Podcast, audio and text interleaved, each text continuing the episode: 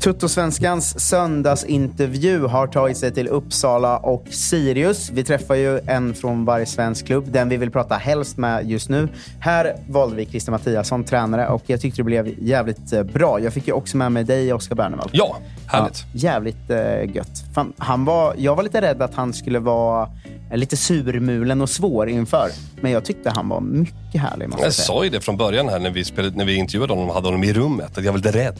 Mm. Jag kände, vad kan hända med Kitten här? För, men det var jättetrevligt. Jag tycker han öppnade upp sig bra. Intressant att lyssna på. Men han är ju liksom en han är ju den här tränartypen som man liksom känner igen från, från vet du nu är han ju på Råser från början, men de som mm. har varit mycket fotbollstränare i Stockholm. Alltså det är ordning och reda på honom. Han mm. pratar på ett visst sätt, han är tydlig, han kliver inte över gränser. Men han är ändå intressant att lyssna på. Ja, jag, jag tyckte det var, det var väldigt, väldigt bra. Och kul för mig att få lite mer liksom ja, men få fråga de här grejerna man alltid undrar om Sirius. Så här, hur, hur, ska ni bli stabilare? Hur gör man när alla spelare försvinner? Ja. Ni har inga ledare. Allt det här som vi har suttit och utifrån gaggat om. Det är skönt Verkligen. att få svar om det. Och man kan ju känna när man lyssnar på honom att det är ingen garanti för att man svarar bra på frågan att det blir bra sportsligt. Men man kan ju känna, det tror jag att alla känner som kommer höra den här intervjun, att det är, rätt, det är nog rätt tränare i rätt klubb. Eh, mm. Eh, lite grann utifrån när han jobbar i vanliga fall. Och sen att ni kommer höra att han drömmer om SM-guld i Sirius. Bara det att någon Sirius-tränare vågar säga sånt. Ja, det var uppfriskande tyckte jag. Ja. Eh, jag ska också säga att vi gör de här avsnitten tack vare och i samarbete med Simor där man kan se Allsvenskan via Discovery. Man kan också se typ all bra fotboll där. Så skaffa ett eh, abonnemang eh, på Simor. Tack så mycket till dem. Nu över till intervjun. God lyssning!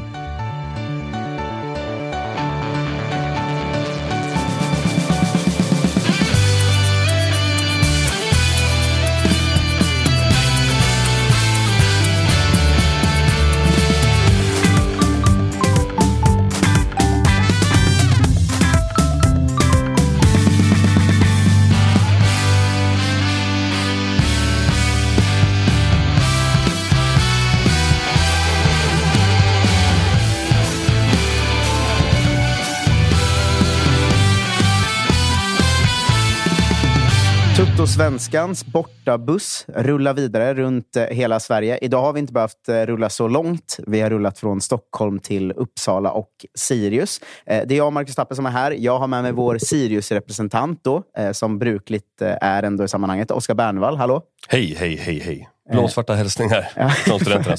Hur känns det för dig att vara i katakomberna istället för på, på läktaren? Ja, det känns ju, man är, det är ett rum som är litet, nästan påträngande. Så man känner sig lite skakig. Man är lite rädd för kitten också såklart. Vet inte vart det här ska ta vägen. Men eh, annars känns det bra. Nej det känns bra överlag. Jag lite bara. rädd? Det var ändå... Ja, men alltid lite rädd. Härligt. Nu avslöjar du att vi sitter alltså, här. Det är mycket mer spännande i livet om man är alltid lite på tå och lite rädd. Exakt. Eh, du avslöjar att vi sitter med Christer Mattiasson, huvudtränare här. Hej. Hej. Eh, ska man, det är olika från klubb till klubb har jag lärt mig. Föredrar du att bli kallad liksom, tränare? Eller vissa är väldigt noga med huvudtränare har jag märkt. Eller vad, vad vill du ha för titel? Nej, jag vet inte. Tränare är väl alldeles utmärkt. Alltså, kitten är också bra. I AIK är man ju ofta chefstränare också. Ja, just det. De det säger de där. Ny chefstränare. Mm. Ja, jag, jag nöjer mig med tränare i så fall. Det mm. räcker, räcker bra. Ja, det, det, det, tycker jag hedrar dig faktiskt. Eh, så fort man är hos någon, det, det är ju om man säger liksom det finns väl en klassiska klubbchef eller sportchef eller sportchef. Eller eh, ja, alla de här som man ska gå runt mellan i Elfsborg och allt var man mm. hamnar. Då är det skönt när man får säga tränare bara. Det gör mig eh, glad. Vi eh, ska säga, det här informerade Oskar mig innan om då, som styrelserepresentant. Men att jag hängde med på det tåget. Att vi är lite besvikna över att vi ses på Studan och inte på en bar när det är liksom, fredag. För att enligt Oskar här så känns du som du skulle kunna vara en av de skönaste tränarna att ta en öl med. Jag var inne på framförallt när, du, både du, när Henrik kom också, att det var som en duo. En bra ta en öl-duo på något sätt, du och Henrik Ånstrand. Assisterande tränare får man säga då, mm. i Sirius. Stämmer du in i bilden? Är du en bra tränare att ta en öl med? Det tror jag nog. Jag tror nog att det, det skulle inte vara något problem, men dagen innan match så tror jag inte det är så bra. Ja, just det, det är fel dag. Ja. Det, vi får ju, får ju ta dag för dag där ute. Helst efter matchen är så. Ja, just det. Mm. Finns det inget dåligt exempel till spelarna ska sättas? Nej, det är väl lite för en egen del också att man kanske inte ska förbereda sig på det sättet. Hur, mycket, hur viktig är liksom dagen innan matchrutinen som tränare? Alltså äta rätt, sova rätt, eh, inte ta någon öl och sådär. Jag inte ta någon alkohol, det, det, har jag nog som en princip i alla fall. Det andra, nah, det är strunt samma. Det är mer viktigt vad, vad vi gör på träningarna och alltihopa. Äta och sova, ah, det blir som det blir ibland. Ibland sover man mindre bra, men och ibland sover man helt avslappnat. Så att, eh, det är bara ut och köra. Eh, den uppmärksamma lyssnaren kan ju då lista ut att vi spelar in det här på fredagen. Eh, det släpps ju på söndag och det är match imorgon. Eh, hur, hur ser liksom dagen innan match ut för dig? Ja, det, det, är rätt så lugn frukost på morgonen. Lämna hunden på dagis, åka hit rätt tidigt. Var lite mer förberedd och klar innan de övriga kommer. Eh, sitta och titta på de sista, sista klippen och alltihopa. Sen har vi en genomgång, tränarna, eh, skadeläget, alltihopa. Sen har vi genomgång med spelarna, vad, vad vi ska göra för något eh, defensivt där ute. Och sen är det full fart på träningen. Och, och sen en genomgång av träningen och lite käk och, och lite skratt och lite sådana saker. Och sen så, sista förberedelserna. Sen när tiden befinner sig, då, då drar jag hemåt och kanske har något samtal i telefonen eller någonting innan jag kommer hem. Så att jag försöker vara klar när jag är hemma och försöka vara med familjen så mycket det går. Mycket förtjust i det schemalagda litet skratt. Eh, det, tyckte, det tyckte jag om mycket. Men framförallt blev jag intresserad av... Eh, jag har ju själv hund och blir alltid intresserad av vad din hund heter när någon säger att den är hund. Det är ju jätteintressant att eh, du frågar den delen. För att eh, hon heter Puck. Oj! Mm. Utveckla. Nej, men det, det, var min, min andra hälft och min grabb som ville ha det namnet. Och då fick vi ta det. Så att, eh, det var ett lite ovanligt namn som passade Du började inte argumentera för boll då? Eh, det gjorde jag inte. Det hade inte passat bra. Men det var, det var ett skönt namn ha ja. lyssna på det i alla fall.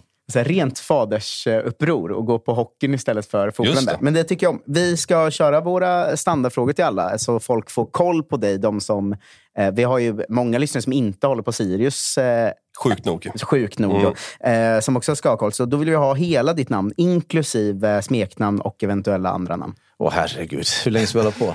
nej, Björn-Ove Christer. Eh, Kitten kallad. Eh, sen behöver vi inte nämna några andra smeknamn där ute. Det har funnits andra sådana smeknamn i laget som är lite mer barnförbjudna? Eller? Nej, det tror jag inte. Det, tror jag inte. det, det är väl lite mer... Sen jag var fotbollsspelare och allt möjligt. Matte Goll är klassikern. Ja, lite sådana saker. Ja. Men det, det, får, det får stå för de andra. Ja, du slänger inte själv med Matte Goll? Så... Nej, inte, inte så ofta. Har nog aldrig gjort det. Så att, Eh, jag såg eh, så här i, i researchen, kollar man ju lite gamla artiklar och så där, från, från spelartid. Eh, liksom för, för nutiden har man ju mer färskt. Så där. Men då såg jag någonstans där du liksom bara benämndes som målkungen från Borås. Det tycker jag annars är ett smeknamn du kanske själv skulle börja presentera dig med. Nah, jag vet inte riktigt om det är det, men det, det, kan väl jag gärna ta alla dagar i veckan. För att jag, jag hade väl inte så jättemånga egenskaper. förutom att göra, göra mål där ute. Det var ju som någon sa, jag lyssnade på något citat någonstans, jag kan inte jonglera till tre, men det, det stämmer ju inte riktigt. Lite bättre än så, ja. Eh, nu råkar jag som lyssnar på mycket poddar kanske kunna avslöja här att är det att du har lyssnat på Testa Stör då, inför matchen mot AIK? Det kan vara så att min son har eh, sagt eh, och visat någonting. Så att, mm. Eh, pappa, de, de pratar om dig. Mm. Så att, jo, det hörde jag igår. Ja, men, eh, intressant ändå. Det här, det här tycker jag mycket om. Det för oss också in på nästa punkt som är om du kan vandra oss igenom ditt CV. I ditt fall både som spelare och tränare. Då, så för, för Vi har ju många unga lyssnare och jag tror de har ju kanske inte lika bra koll på din spelarkarriär. Nej, det, är ju, det tror jag absolut inte. Det är inte ens de i laget har ju koll på var jag har varit någonstans. Men vi kan väl börja när jag var 18 år egentligen. Det är egentligen min, min A-lagsverksamhet började. Då, då kallades det Byttorp. Eh, jag började i division 5 var inte så jäkla duktig, så att jag fick eh, harva mig därifrån. Men eh, vi vann femman, fyran och sen var vi i topp i trean och där öste jag i mål mer eller mindre under de åren. Sen, sen så blev det Elfsborg 92 till 98.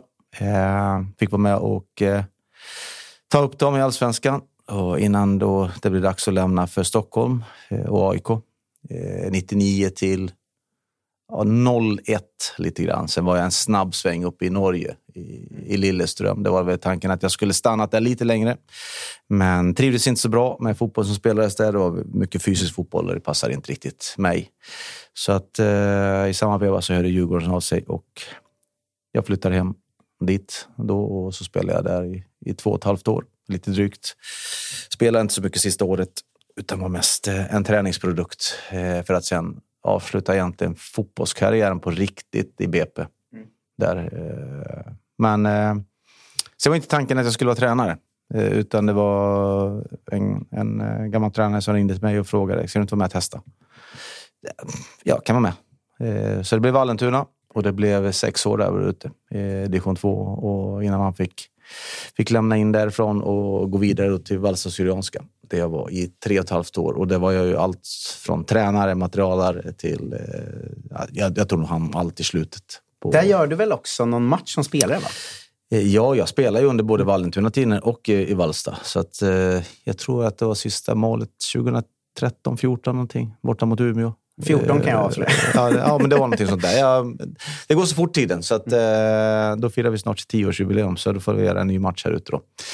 Eh, nej, men det var väl inte... Det var ju, vi hade väl 12 spelare plus mig i slutet. Så att, eh, det blev att jag fick hoppa in när det blev skador och sånt. Så det var inte riktigt tanken med det hela. Sen eh, därifrån så blev det Sollentuna. Där var jag i sex år. Eh, fick lägga en bra grund för var de är någonstans nu. Tillsammans med Rebas Hassan då, som, som nu är FC Stockholm. Eh, tog upp dem och sen behöll vi oss. Och så blev vi trea sista året. Eh, och då kände vi båda två att nej, längre kommer vi inte med det här laget. Och vi hade prövat på alltihopa. En bra miljö att vara, både som spelare och tränare där ute. Trodde väl själv inte att jag skulle ha något jobb därefter. Eh, för att eh, det var rätt sent som vi hoppade av alltihopa, men eh, lite tur att BP missade uppgången på grund av straffar så fick jag möjligheten att träna dem i, i två år och två lyckosamma år där innan då vi lämnar in till Sirius här inför det här året. Ja, nu är vi eh, tillbaka här. Då. Men nu är vi tillbaka. Jag tänker på början av spelarkarriären där. Mm. Eh, känns ändå som sånt som idag hade varit stora artiklar om resan. Alltså det här från liksom division 5 till den erans Champions League AIK via Elfsborg på, på ändå ganska få år. där. Liksom. Var det en annan tid att man kunde breaka så sent som du gjorde? Ja, ja men det, det var det absolut. Och, och framförallt som jag sa, det, jag hade en stor egenskap. Det var att jag kunde göra mål. Men eh, jag, och jag spelade inte de stora klubbarna i Borås, utan det blev ju en liten klubb. Det var, jag var uppväxt i Norrby, men, men, eh, men vi flyttade och det passade bättre att vara med sina kompisar. Och jag har alltid sagt att det är bättre att spela och ha kul, för jag tror att det, det är den största utvecklingen först och främst. Och sen att det blev lite längre och att man var 18 år i division 5. Det. Men jag lärde mig på det sättet också. Och det är en bra resa att ha med sig som tränare. Att det går faktiskt att ta sig upp väldigt långt. Även, jag tror det fortfarande går att göra. Mm. Ger det dig en tanke som jag, jag själv ofta har tjatat om att jag tycker att allsvenska klubbar är för dåliga på? Att hitta målskyttar i lägre divisioner. Alltså, har du den att ja, men om du får höra om någon som spottar in 28 mål i division 3, liksom, att eh, han borde man ändå kanske kolla på om man är en division 1 eller superettan-klubb mycket mer än vad de gör idag. Liksom. Ja, absolut. Det tycker jag. Framförallt en sån egenskap. Den, det är någonting som kanske inte alla kan träna upp sig till. Utan man har det i sig oftast. Man vet var bollen kommer och självklart så chansar man lite. Men absolut ska man pröva den biten. Det tycker jag. Eh, Djurgården eh, efter AIK. Var det mindre kontroversiellt på den tiden att göra den flytten? Vi diskuterade faktiskt det lite innan mm. podden idag. att man inte riktigt... Jag själv var ju vadå, fem år gammal då, eller någonting. Eh, åtta kanske. Eh, så man, man hade inte koll på samma sätt som man har idag. Men, men var det mindre kontroversiellt att göra den flytten då, eller, eller hur var den för dig? Jag gör som jag har sagt hela tiden. Jag har aldrig kommenterat när jag gick mellan de här klubbarna. Jag tycker inte det ska kommenteras i det här tillfället heller. Så att, eh, det som har varit har varit och jag förstår att det finns folk som tycker och tänker en massa saker. Det slog mig faktiskt här under historien kring tränarkarriären här i Sollentuna. Att jag, Kitten var sjukt nog med på min svensexa, kanske inte aktivt då.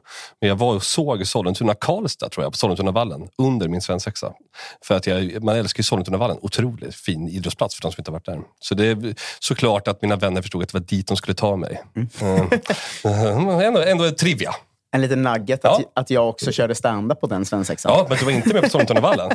Nej, otroligt. Eh, Vad blev matchen då? Alltså, det blev mycket mål tror jag, men jag minns inte. Nej, det, var, okay. det var ju svensexa, det ja, ja, jag, men jag tänkte någonting ska man komma ihåg från den och det kanske var ett bra minne. Ja. eh, du har åtta meriter enligt Wikipedia. Kan du gissa själv vilka? Eh, det beror på om de är enskilda eller om de är eh, med lag. För ja, det, det, finns både och. Ja, enskilda, då är ju allsvensk skyttesjung. Mm. Givetvis. 97. 97. Kan finnas assistvinnare också det året. Yep. 97. Eh, här vill jag då pausa och säga att 14 mm. plus 9, vilken säsong! Ja, för att vara debut för mig. Ja. Det var Ja. det som vi gick upp 96 och Ja. så blir det bra för min del. Och, och vi spelar, eller jag spelar bara 25 matcher det här året av 26. Mm. Så jag råkade vara avstängd en match. Eh, sen så har vi väl eh, några cupguld, borde jag ha. Eh, nu ska vi se, med, både med AIK och Djurgården. Mm. Eh, sen har väl jag... 99-02 ska vi säga. Mm, Ja, det kan nog stämma. Sen har vi säkert jag har SM-guld också. Både inomhus och utomhus. Ja, snyggt. Det är snyggt att du säger det. Eh, För, att du för det var har, med Elfsborg, det vet jag. Det var sista SM-guldet inomhus. Eh, Det är inte så många som varken bryr sig eller vet vad det är för något. Som sagt. Men det är ändå 11 manna och Ja, det ja. var vår första del. Det är roligt att du benämner ju hela titeln, för det står ju SM-guld 11 manna inomhus. Ja, det står det. Ja. Eh, 95 då. Ja. Sen så har jag en jäkla massa silver överallt. Men, det, men jag vet inte, har jag något mer? Uh, vinner av division 1 södra då, med Elfsborg. Eh, och sen okej. så har du också Årets komet 1997. Ja, 97, just det, det, det har jag också. Har jag. Eh, Men jag har, ja, jag har i och för sig, jag kan faktiskt lägga till, jag fick årets tränare förra året i Superettan. Ah, det har de ju Det missat. du, Mm. Det, det borde jag ju själv kunna skriva in. För det Gå in och lägg till det på Wikipedia. Ja, Mm. verkligen.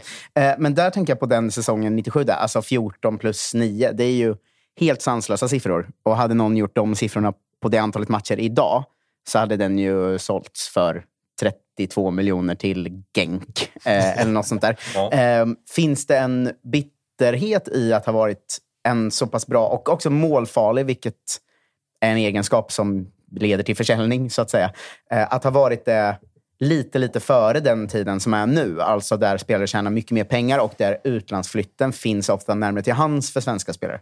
Ingen bitterhet, men det är klart jag hade velat pröva på det. Definitivt. Eh, den lilla utflykten till, till Norge, det var inte så mycket att hurra för.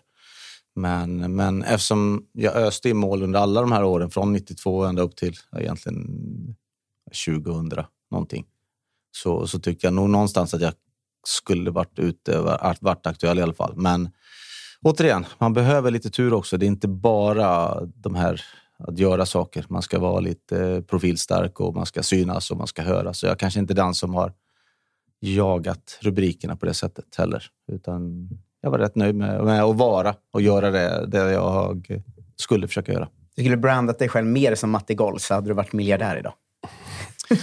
Kanske, kanske. Men jag har kanske också fått en jäkla massa skit också för att jag syns och hörs hela tiden. Men, men alla vill ju synas på något sätt. Det vill man göra för det, det ger ju också möjlighet till att få kanske en eller två chanser till där ute. Men, men jag är jag och, och det är bara för mig att acceptera det, att jag kanske inte var lite lika offensiv där ute. Eh, En klassisk fråga i sådana här sammanhang som vi alltid ställer eh, i de här är eh, vem är den bästa spelaren du mött och spelat med? Ja, oj, oj, oj. Jag menar, många har spelat med. Det är ju det är otroligt många duktiga fotbollsspelare. Vi har ju både Anders Svensson när han kom upp, till exempel. Kim Källström, Stefan Rehn, Nebosha. Alltså det, finns, det, alltså det går inte att sätta dem i, i, i vad heter det, vem som är bäst egentligen. Jag menar, som Nebbo, han sa ju till mig, spring så får du bollen. Och det, det, det, var ju, det var ju väldigt enkelt. Anders kommer upp som en ung junior i Elfsborg. Och samma sak när Kim då såldes från Häcken till Djurgården. Och det första jag kommer ihåg att han körde över Stefan Rehn och så tog han bollen och smackade han dit den. Han är inte här för att bara visa upp sig, han är här för att prestera. Så det finns ju det finns så många spelare som, som är där ute, som, som har varit väldigt duktiga, som har också drivit på. Och då glömmer jag en jäkla massa spelare i, i de här trupperna. Bara du nämner de fyra så slås man ju direkt av att som i din position, vilka härliga liksom, djupledspassningsspelare du har haft bakom dig där. Det är ju perfekta spelare för en målskytt. Liksom. Ja, absolut. Och sen, sen om man tittar i Elfsborg, jag hade Mattias Svensson som eh, körde över allt och alla. som visade vägen för mig där om vi tittar på den. För att jag gick inte upp i närkamp. Det, det fick de andra sköta. Jag hade, jag hade bättre för mig än att leta de där grejerna. Så att, nej, det, fanns, det finns många fotbollsspelare. Jag, alla jag glömmer, det är nästan bara att be om ursäkt för att Tittar jag bakåt till vilka som har stått i mål under tiden så, så finns det väldigt många, både i Djurgården och AIK, som är väldigt långt framme och gick långt. Målvakterna glömmer man ju också. Det ska, det ska Ja, jag brukar inte se dem. Så att, eh, det är det. Eh, är det någon spontan som dyker upp på vem som är den bästa du mött? Ja, men, alltså Batistuta. Det, är ju, det är klart att eh, en sån spelare dyker upp direkt. Jag menar, att få spela Champions League och möta honom. Eh, det blir ju någonting som man gillar eftersom han själv bara öste i mål. Bytte du till dig någon tröja där? Ja, det ligger väl några tröjor där uppe, men jag vet inte vem jag bytte till mig. Faktiskt. Jag... Ta honom bara. Ja, det, det, var väl lite så. Det var, det var en härlig upplevelse. Battigol mot Mattigol helt enkelt. Mm. Och det var, jag kommer ihåg, när vi skulle möta Fiorentina borta, att vi skulle vi skulle se till att hålla honom borta från målet. Jag tror det tog sju minuter, så gjorde han 1-0. Ja. Mm. ja, men det är väl också en omöjlig uppgift bara. ja, det, det går inte att lösa. Um, en fråga jag gillar som är lite liknande som vi har ställt till uh, både Jocke Persson och Stefan Andreasson och de andra som har haft uh, karriärer som våra unga lyssnare har mindre koll på. Då. Är det någon spelare från den här tiden som, ja, men som du själv spelat med och som du känner att svenska folket aldrig riktigt fattade hur bra den var eller som aldrig fick uh, fick liksom den uppskattningen som, ja, men som kanske egentligen var så, gud vad bra han var, men det blev aldrig riktigt eh, offentligt så att säga. Oj, oj vad svår fråga. Eh, hade jag fått fundera på den så hade jag kanske kommit på det, men Nej, alltså det, det finns ju alltså både, både i AIK och Djurgården. Jag menar Daniel Hors som jag tyckte var en fantastisk eh, bra avslutare. Alltså en av de, de bättre jag sett där ute, men kanske inte nådde alla höjder på det sättet. Men han spelar ju där väldigt länge. Eh, sen har du Niklas Rask som alltid tuffade på i Djurgården fram och tillbaka, men fick väl sin egentligen ikonbricka väldigt sent in där ute. Men namn som hade kunnat gå mycket längre. Det tror jag nog. Hoch också otroligt bra i Sirius 2007. Ja, men nu ser vi. Mm. Binder vi ihop de här påsarna. Mm. Mm. Eh, var kommer du ifrån och var bor du nu? Jag kommer från Borås och som jag sa till dig tidigare att eh, min tanke var att jag skulle flytta upp 99 och vara här i tre år. Spela av kontraktet, kanske äh, åka hemåt igen. Men eh, nu just nu är vi uppe i 23-24 år som sagt var. Eh, bor just nu i Täby sedan 18 år tillbaka. Och blir kvar något år till i alla fall till eh, min son har växt upp och ser vad som, vad som sker. Mm. När du ser eh, Stefan Andreassons stora väggmålning i Borås nu för tiden, är det en sån what could have been-känsla? Nej, absolut inte. Eh, jag har inte sett den. Även om, eh, även om jag... Ja, vi var i Borås här nyligen innan vi, vi åkte ner till Varberg så bodde vi där. Så det var perfekt. Så jag hade faktiskt kontakt med honom strax mm. innan matchen också. Vilket lag höll du på när du var liten och gör det fortfarande? Ja, jag håller på Tottenham. Mm. Och, eh, tunga det, dagar nu. Eh, det är alltid tunga dagar. Alltså, när, när, när, är det dags att fira? Aldrig. Det, det, är, det är lite synd faktiskt.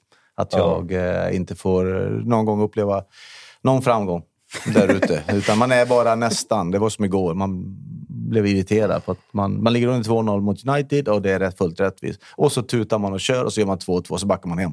Mm. Men kör istället. Våga förlora och se till att ta en Champions League-plats. Helt enkelt tycker du sammanfattade liksom supporterlivet väldigt fint med varför kan det aldrig gå bra? Aldrig. är... ja, men det, det, är det. Det är, det. det är så jäkla få supportrar som får vinna grejer ändå. Det är så. Det är inte ja. så många lag som vinner. Nej, det, det får man ändå slå fast. Det är hela ens liv att inte vinna saker. Eh, vi, vi, slänger alltid in ett litet eh, miniquiz här i. Eh, det har vi redan gjort i och för sig med, eh, med dina meriter. Men eh, kan du lista ut vad följande personer har för gemensam röd tråd? Eh, DJ Ötzi, Jari Littmanen, Sofia Coppola, Mats Sundin, Mark Wahlberg, Peter Jöback, Tupac Shakur, Leila K, Henke Larsson, Snoop Dogg och Christer Mattiasson. Och Christer Mattiasson i samma? Mm. Alltså, hur fan ska man lista ut det? Det är ett jävla trollerinummer, höll på att säga. eh, nej, det finns, alltså, det finns ju inte möjlighet. Alltså, det är så lätt att alla är födda 1971. Då. Okay. Eh, det, är så, det är vårt sätt att berätta för lyssnarna att du är, fyller 52 i år. Det var ju väldigt vänligt att du tog upp det. Ha? När man själv känner sig som 62. Nej. Nej, så illa är det inte. Eh, laga mat eller hämta mat? Oj. Eh, just nu är det hämta mat. Jag mm. vill gärna laga mat, för jag gjorde väldigt mycket förr i tiden. När man hade lite mer tid. Nu tycker jag att det är så här, tiden är begränsad. Och, så att det blir mer hämta än laga. Men jag, jag käkar gärna hemlagat. Är du en stark eh, matlagare? Jag ska inte säga stark, men, men jag vill gärna göra det. Mm. Eh, får jag bara tid så tycker jag att det är kul att hitta på grejer. Vi håller ju på här att sätta ihop kanske tidernas svagaste kokbok med alla våra gäster i söndagsintervjun. Så du får ju ge oss vad din paradrätt är om du verkligen ska imponera på någon. imponera? Ja, men alltså, jag, jag tycker det är egentligen enkelt. Alltså bara egentligen steka fisk och potatis och, och någon, någon sås till. Det, alltså, det är ju det är inte jättesvårt att steka om man inte är korkad höll på så steg, steg bränner på den ordentligt. Som sagt var. Så att, eh, jag hade nog valt någon, någon fiskrätt i så fall. Ja, men det, det är enkelt men gott. Det tycker jag det passar ganska bra in i den här kokboken där det är förvånansvärt mycket ris och kyckling bara, än så länge. Jag tycker att vi äter ris och kyckling varenda gång vi åker bort på en bortaresa eller någonting. Det, så att, eh, ja, man, man sitter väl där och kuckelurar. Vad kör du för bil? Vad kör jag nu för något? Jag kör en T-Rock. Finns det något intresse eller är det mer det som eh, sponsorerna kommer med? Nej, det finns inget intresse alls. Det, det är nog min andra hälft som tycker det är mer lite roligt med bilar och sådana saker. Som sagt var. Så att, men eh, det har varit en T-Rock nu i alla fall under ett års tid. Tjänar du över eller under den allsvenska snittlönen som ligger på cirka 100 000 kronor i månaden? Och då tjänar jag definitivt under.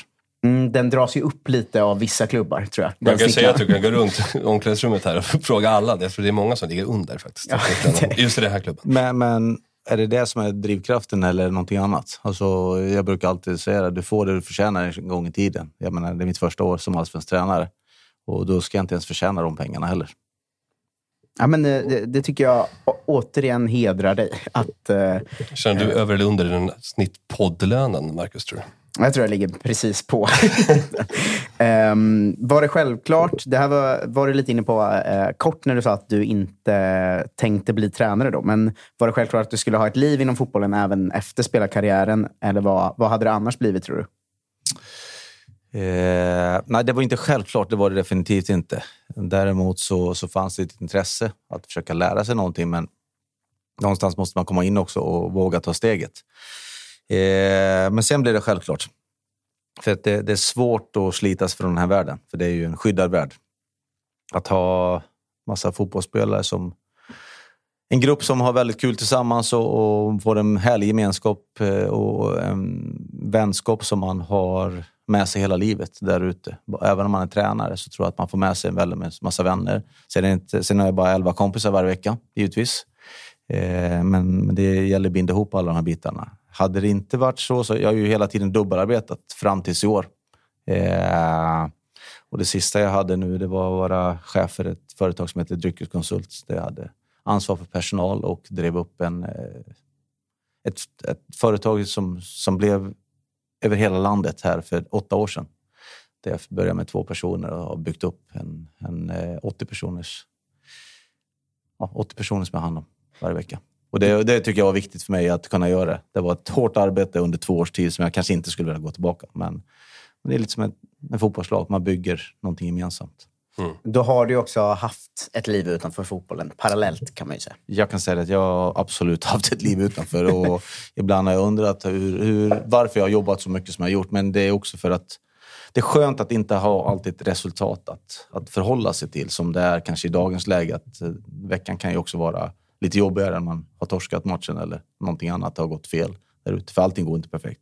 Där kunde jag prata om andra saker, om försäljning och hur vi bygger någonting där vi, i, i det företaget. Eh, tillbaka till fotbollen då. Vilket lag i allsvenskan är skönast att slå? Det är din första säsong eh, då som tränare, men du har ju eh, allsvensk rutin sen innan och känner ju till lagen såklart. Ja, så vilket var, kommer vara skönast att slå i det år? Var, det var ju väldigt tur att du inte sa vilket som har varit skönast, för jag har ju inte vunnit än. så att, eh, det första. Jag, eh, ja, men det, det ska väl vara Göteborg i så fall. Mm, ja, ja, Borås-kopplingen där. Ja, ja, givetvis. Alltså, det finns väl inte så svårt. Jag menar, Dagras här inne, han, han får höra att han har spelat det. Det, det är inte populärt. Men eh, skulle det vara lika skönt nu när eh, det har ju ändå förändrats lite från en viss tid till en annan tid, så att säga. Nu är det ju ganska mycket att sparka på en som ligger och slår Göteborg. ja, jag ska inte kasta sten i glashus här, utan vi ligger inte så jättebra till heller. Men, utan man får ju, men det är väl någonting som alltid har funnits kvar, alltså sen, sen den tiden som man själv spelade i Elfsborg, att det var viktigt att vinna de matcherna. Mm. Eh, vad är det märkligaste du varit med om under en match? Det märkligaste? Ja, det måste ha varit skottlossningen eh, på Råsund. När polisen ja. drog, men det visste man inte om förrän efteråt. Man, eh, när polisen sköt. Det måste vara det märkligaste mm. som hänt. Men det märkte ni inte under tiden riktigt då, utan fick höra efter? Eller? Det fick vi se efteråt. Ja. Jag har sett video och alltihopa på det också. Så det, det, ja, det, det är skrämmande att det ska behövas ta till pistoler och grejer. Ja, det känns ändå som rätt svar. liksom. ja, eller ja. Eh, sista fakta ute frågan. Om du bara fick lyssna på en låt resten av ditt liv, vilken skulle det vara? Och du får absolut inte svara någon slags klubbkopplad låt. Då. Uh... För ingen tror på om du säger Sirius inmarsch. Nej, nej men det, det, är, det är ju lite svårt. Jag hade att, lyssnat på den här låten om Spurt som vi har också, om vår maskot. den är skitbra. Åh oh, herregud. Det, det, det, blir... Vi kan väl ta en, en låt som jag spelar väldigt mycket i Älvsborg. Oslagbara med Niklas Strömstad. Oj! Underbart. Eh, mycket, mycket bra. Eh, vi ska väl hoppa in på lite mer Sirius. Nu har vi ju varit väldigt mycket kristna här då, men ehm, Eh, vill du ta lid på det här första? För det känner inte jag till. Att, den här, att det har blivit någon slags sanning om mm. att det varit en dröm om att träna Sirius. Jag, tyckte det var, jag, jag har tänkt på det. Jag har lyssnat på mycket intervjuer med Kitten och eh, följt Sirius i många långa år. Och har lite koll på dig av den anledningen att du har ju figurerat i motståndarlag på tränarbänken. Både Valsa Syrianska och, och eh, något mer också säkert för den delen. Som vi har mött. Ja, Fick jag känslan det är knappt va? Ja, vi, vi behöver inte nämna 1-8. Nej, Just det. Nämn 1-8 såklart. Nej, nej, nej, eh, nu gör vi så här. Nej, men jag tänkte på det, att jag pratat om det när du kom hit. Och vi har ju vetat om också, när det har varit förut funnits vakanta platser i Sirius, så har ju du varit ett namn som har dykt upp i, i nutid, så att säga.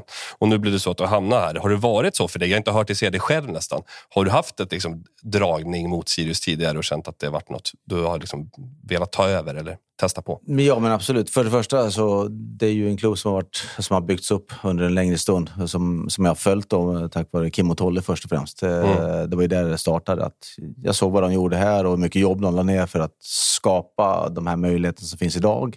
Eh, och sen eh, har det sagt att man säkert följt med med Ola och jag har haft samtal härifrån. Och det har väl någonstans blivit så här, men ska jag någonstans vilja vara allsvensk tränare eller väldigt högt upp så är det här en klubb som är bra, ett bra steg att ta. Det finns en familjekänsla. Det, finns, eh, det är inte alltid resultaten som är absolut viktigast i första hand, utan det finns någonting som man bygger över tid. Mm. Eh, och, och, på så sätt så förra året var jag här flera gånger med och träffade Theo till exempel. Och, eh, jag gjorde några studiebesök. Så att, jag sålde in mig själv mm. därifrån. Ja, men... Nej, men, eh, men, men det blev, det blev ju så att en bra klubb, en bra miljö att vara i, som sagt var.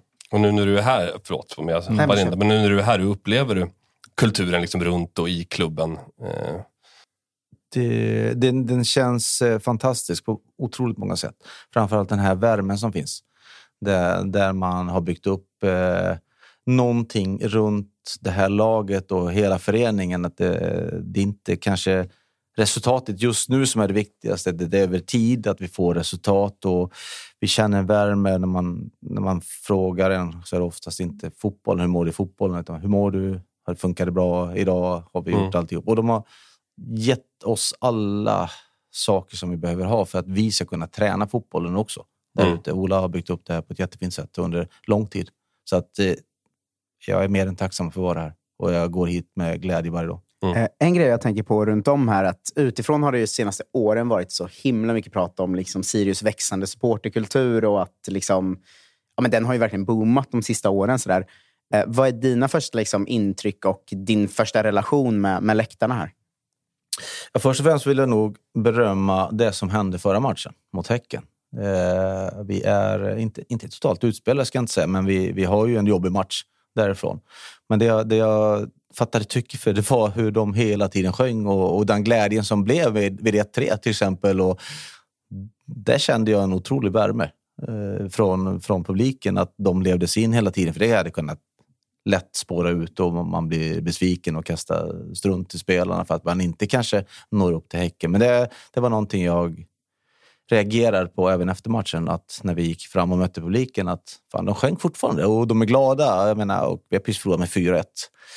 Eh, sen, sen var det, det var en av de första grejerna jag fick höra. Eh, hur eh, publiken har växt här under många år och hur, vilken dynamik det har blivit i Uppsala. Att folk börjar gå på matcher mer och mer och det blir mer och mer folk. Och det är mer och mer som sjunger och, och följer med Sirius. Så det är härligt och det är bara att hoppas att vi kan bidra med lite fler vinster under året.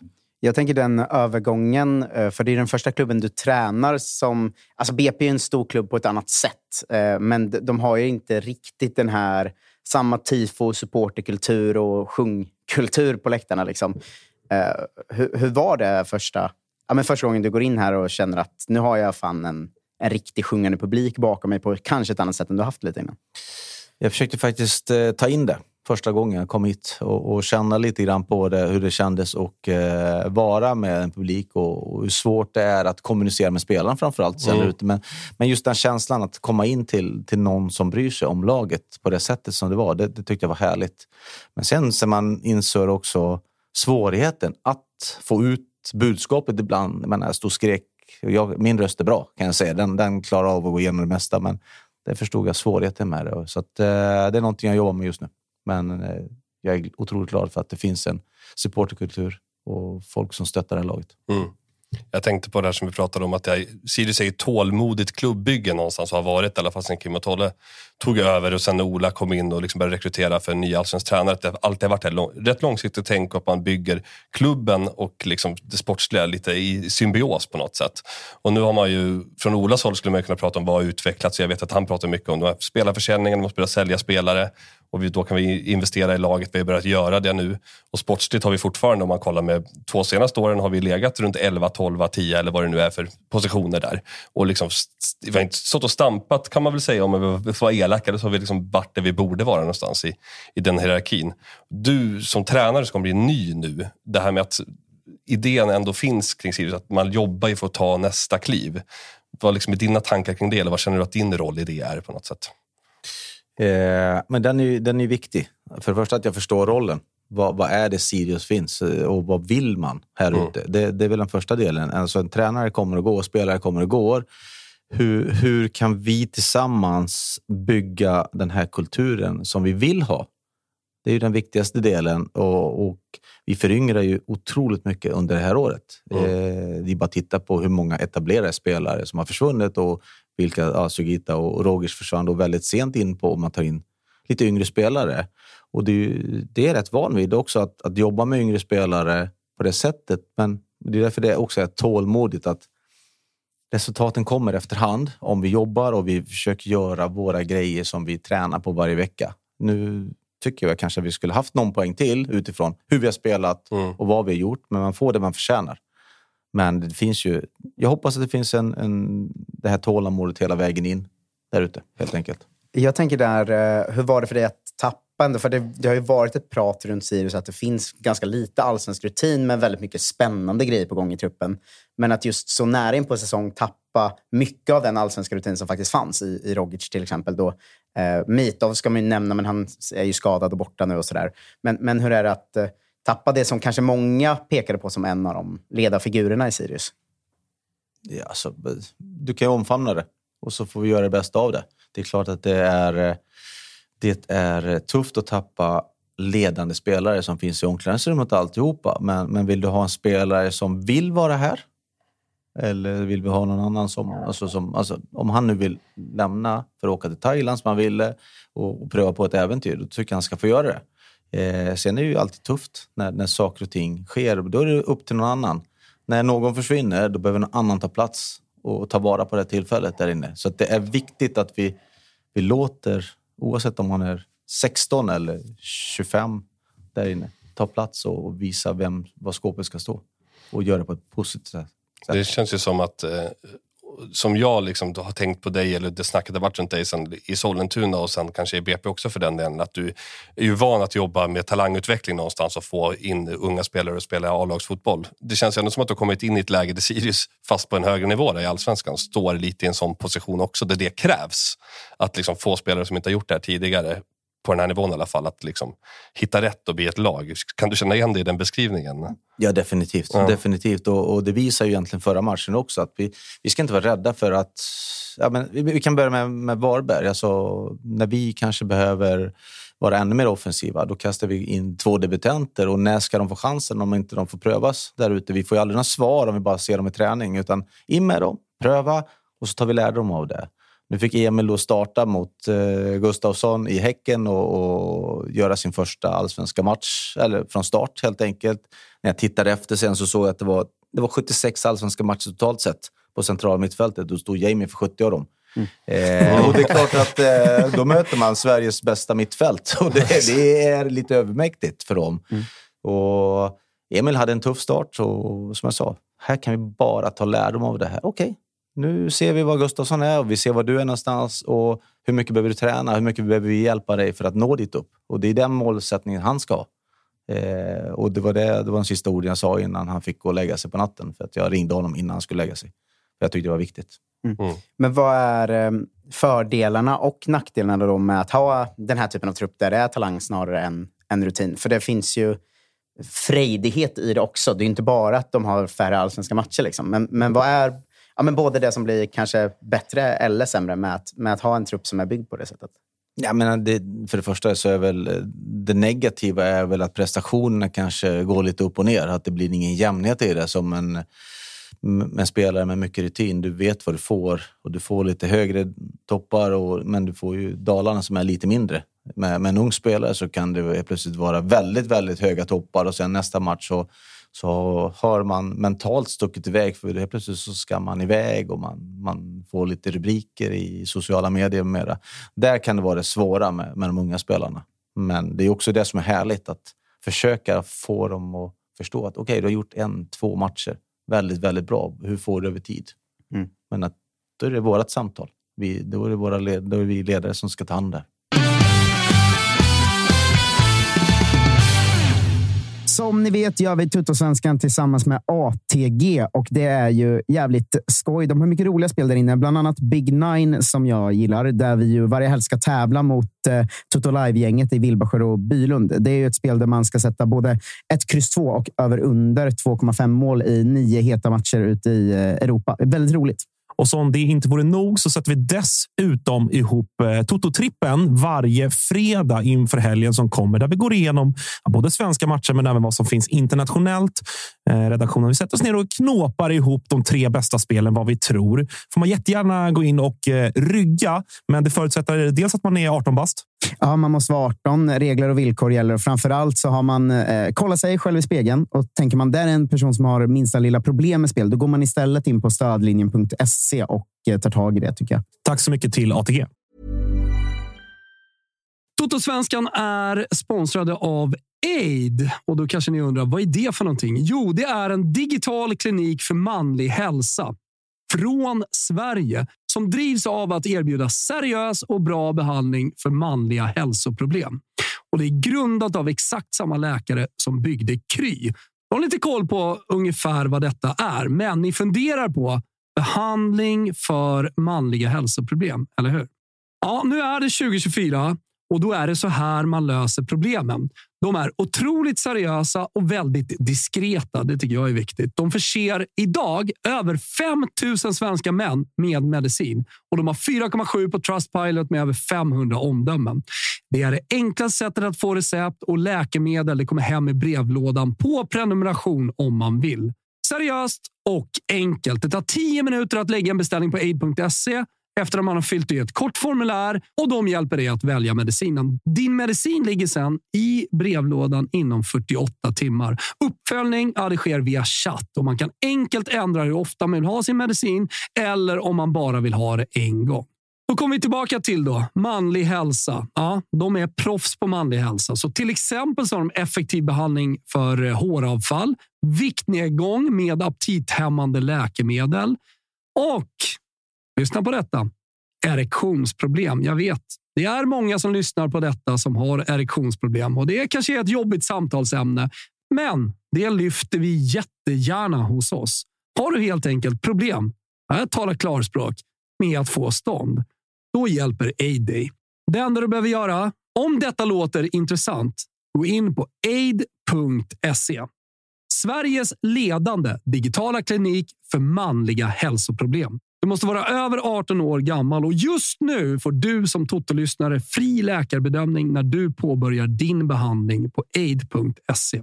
Tänk på att aid stavas A-Y-D. Adam, Yngve, David alltså. AYD.se är det som gäller. Använd bara koden TOTOSVENSKAN i kassan. Vi säger stort tack till aid för att ni är med och inte bara hjälper många män med deras hälsoproblem utan också är med och stöttar Totosvenskan. Totosvenskan är sponsrad av MQ. Nu har kollektionen från Bleck som heter Desert Sunset kommit och den är snygg, Spången. Ja, men så är det. Vi har fått välja ut några av våra favoriter från den här kollektionen. Jag valde ju en klassisk men för den delen väldigt, väldigt snygg linnekostym. Lite beige, ljusa färger, vårens färger. Klassiska skjortor finns, Aj, aj, aj. eh, poloshirts och så vidare. Ja, så. Någonting för alla. Så att gå in nu hörni allihopa på mq.se eller i någon av landets alla butiker och kolla på de här nya grejerna som har kommit nu till våren. Just nu har vi en kod, TOTO20. Den ger 20% rabatt på alla egna varumärken för här om du handlar för minst 500 spänn. Bläckdobber, Bondelin, ni hör ju. Koden gäller till och med 24 mars. Skynda, handla. Stort tack MQ! Totosvenskan är sponsrade av våra vänner på Volt, Freddy. Det här vet jag att du är väldigt nöjd över. För att det är ett företag som har sitt ursprung, precis som du, i Finland. Exakt. Ja. Och det är så himla bra med Volt att du kan beställa mat hela vägen till dörren. Du kan beställa från din favoritrestaurang. Du kan beställa från en matbutik. Men de har ju också den här extra, extra grejen att du kan beställa blommor hem. Du kan beställa kosmetik. Och det bästa också i Volt-appen är ju att de har unika erbjudanden. kommer nya erbjudanden varje vecka. Så gör som jag och Agge och ladda ner Volt-appen och se vad just din stad har att erbjuda. Gör det nu. Stort tack, Volt!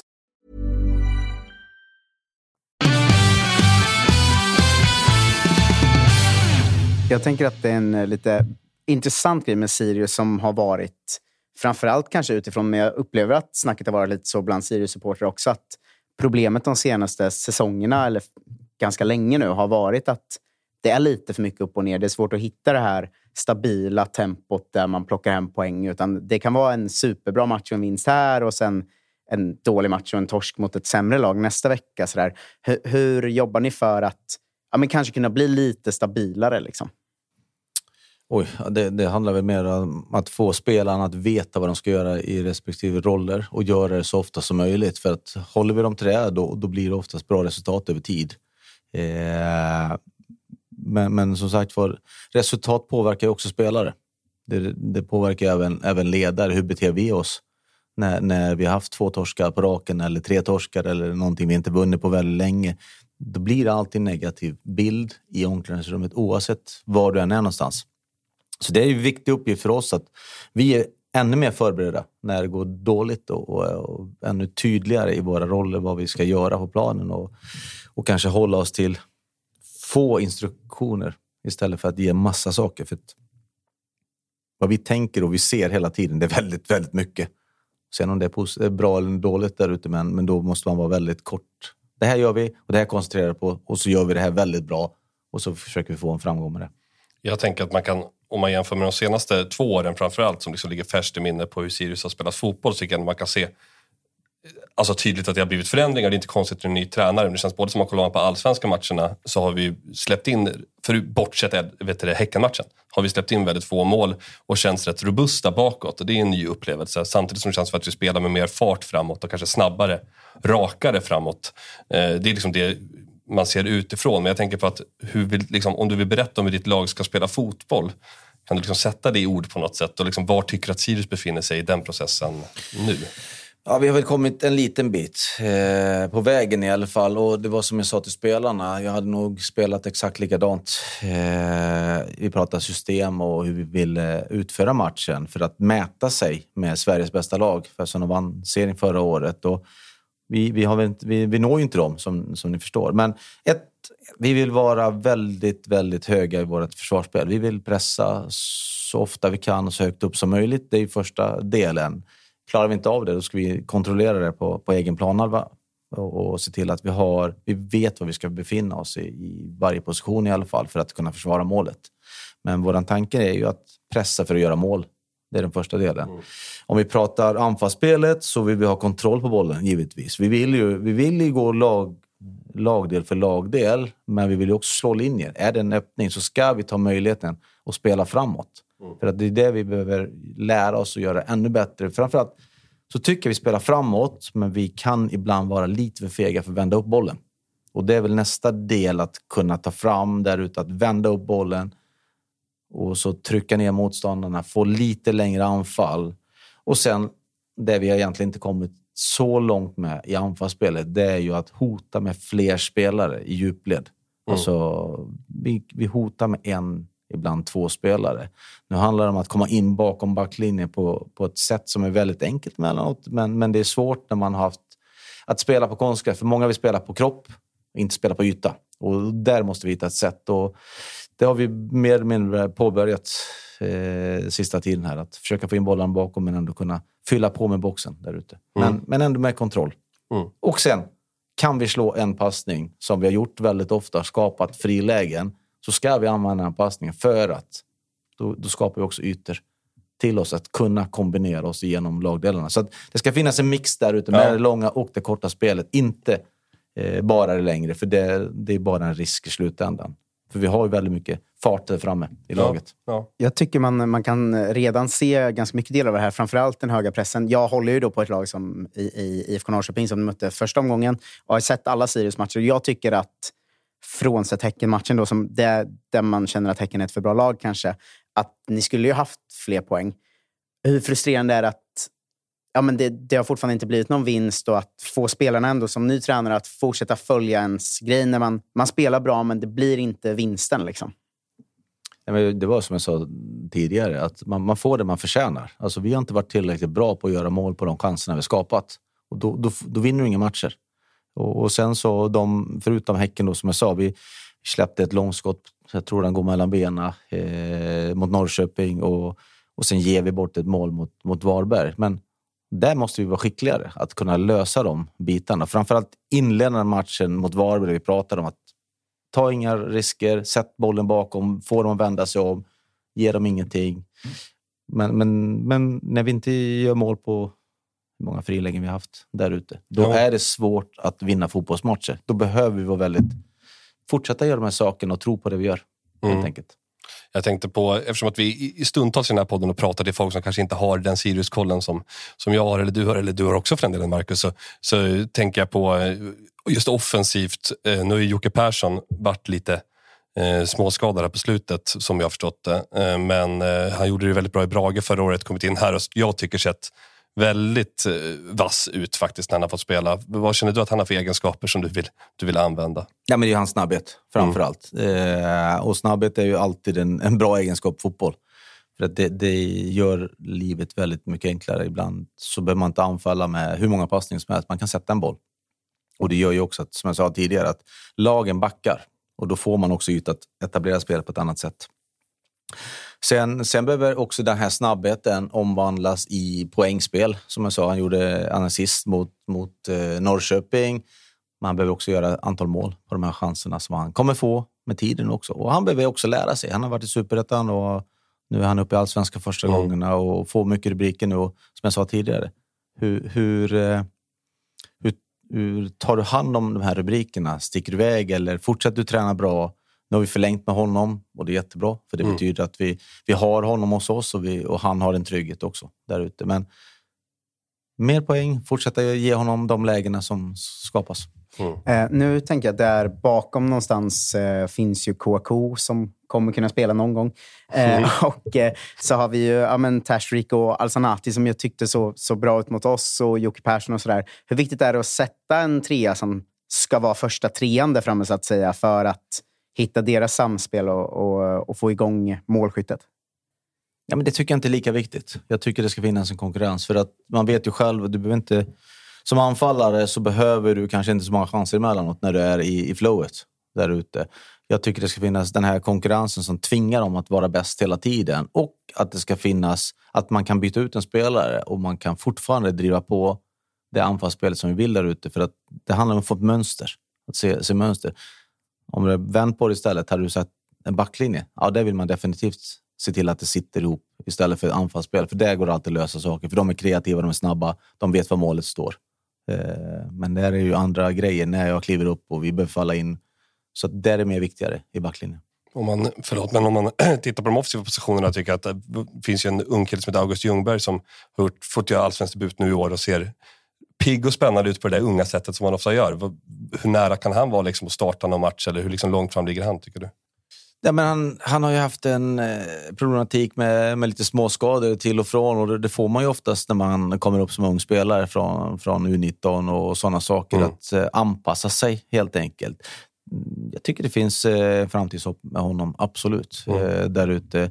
Sen, sen om det är närtid eller om det är eh, efter sommaren. Eh, oftast brukar det ta lite till sommaren ungefär, men ja, han är definitivt med i våra tankar Mm. att kunna starta och vara med och konkurrera där ute. Så att, eh, det handlar om att det är rätt timing och att han har fått den här träningsnärvaron som han behöver egentligen ha för Ja. att kunna också göra aktioner som är över 60 minuter. För då, då kan man börja starta honom. Jag tänker nu när vi pratar om de här eh, unga spelarna som kanske står inför ett genombrott. Kan man, jag tycker man kan räkna in Jocke Persson till exempel där också. Även om han, han känns lite självklar för oss, för vi har pratat mycket om honom. Ja, men, visst. men hans genombrott har ju fortfarande inte skett så att säga på allsvensk nivå. Eh, jag tänker att de går att binda till det här att vara en klubb som faktiskt har blivit en säljande klubb som ja, men både börjar få mer betalt men också har som uttalat mål i princip att sälja spelare. Där både unga talanger kan vara på väg bort, men också en sån som Kouakou skulle kunna säljas. Mathisen sitter på eh, utgående kontrakt. Går till och med ut i sommar. Ja. Eh, Mm. går till och med ut i sommar. Eh, hur mycket viktigare är det att på något sätt sätta spelet när man vet att det kan faktiskt vara så att tre spelare eh, som nu startar försvinner till sommaren? Ja, men, men det viktigaste är att, att grunden finns. För då är det lättare att eh, ta in nya spelare i det här sättet. Om de finns i truppen eller om de finns alltså utifrån. Där ute. För då, då är det så att sju tiondelar eller åtta elftedelar eh, redan vet och det är mycket lättare att få in dem i, i truppen så mycket som möjligt. Så det är jätteviktigt att grunden finns. Och sen så är det så att jag lär mig fortfarande av spelarna varje dag hur de agerar och, och hur de reagerar på att bli petade eller i omklädningsrum och sådana saker. Så att för mig är det jätteviktigt att se deras signaler också. Försöker du säga till en sån som Mathisen att gräset är inte alltid så mycket grönare i Lilleström än i Sirius? Det var ju bra att du valde Lilleström, för det kan ju berätta hur, hur illa det kan vara ibland också. Brunt gräs där skämt, skämt, skämt åsido, alltså, det var en fin förening. Det var bara att jag inte passar in där.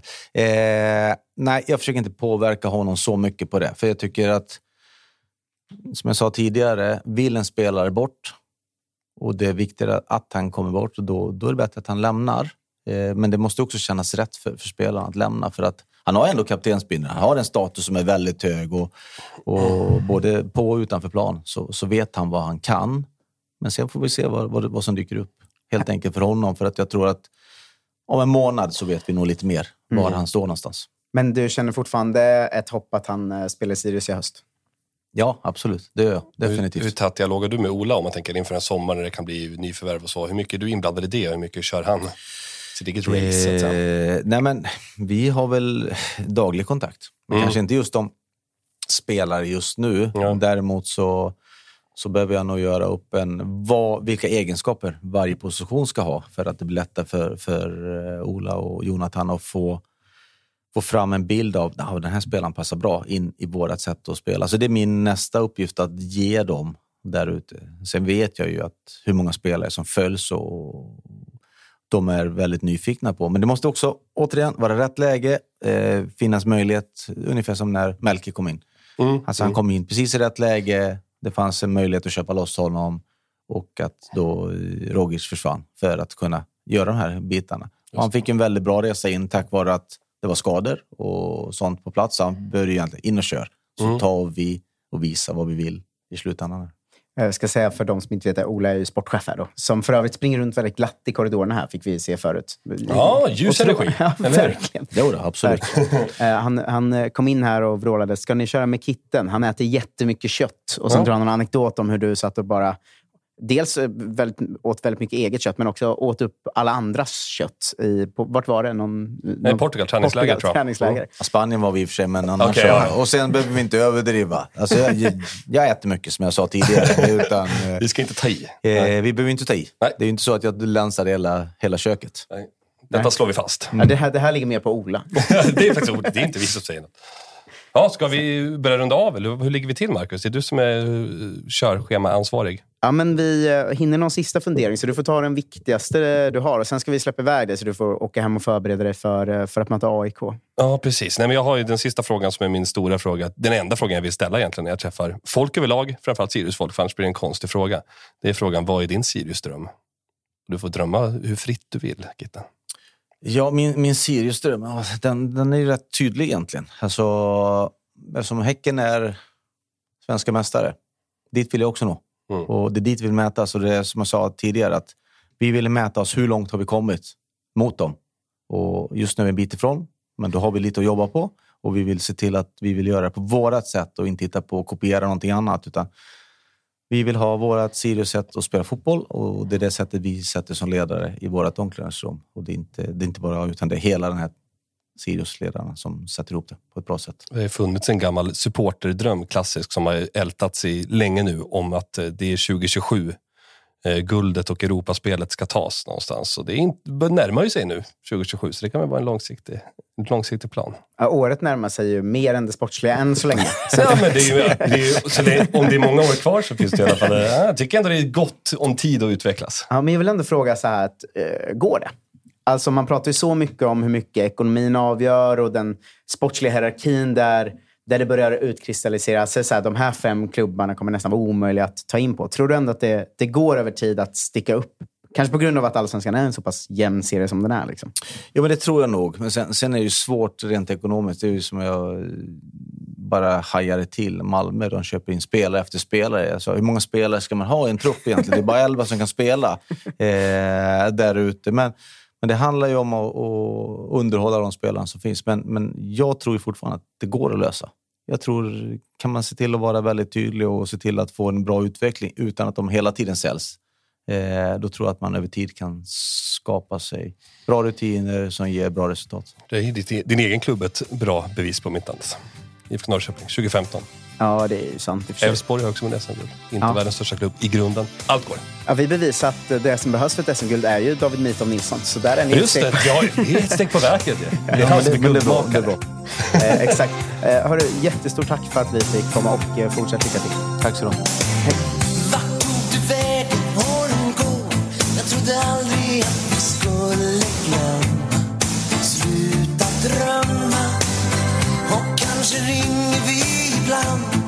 Lika förvånade att alltihop försvann. Lika fort som vi levde då Vi brann.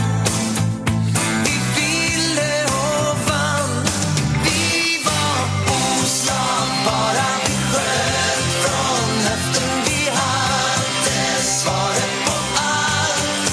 Alla flickor låg Selling a little or a lot?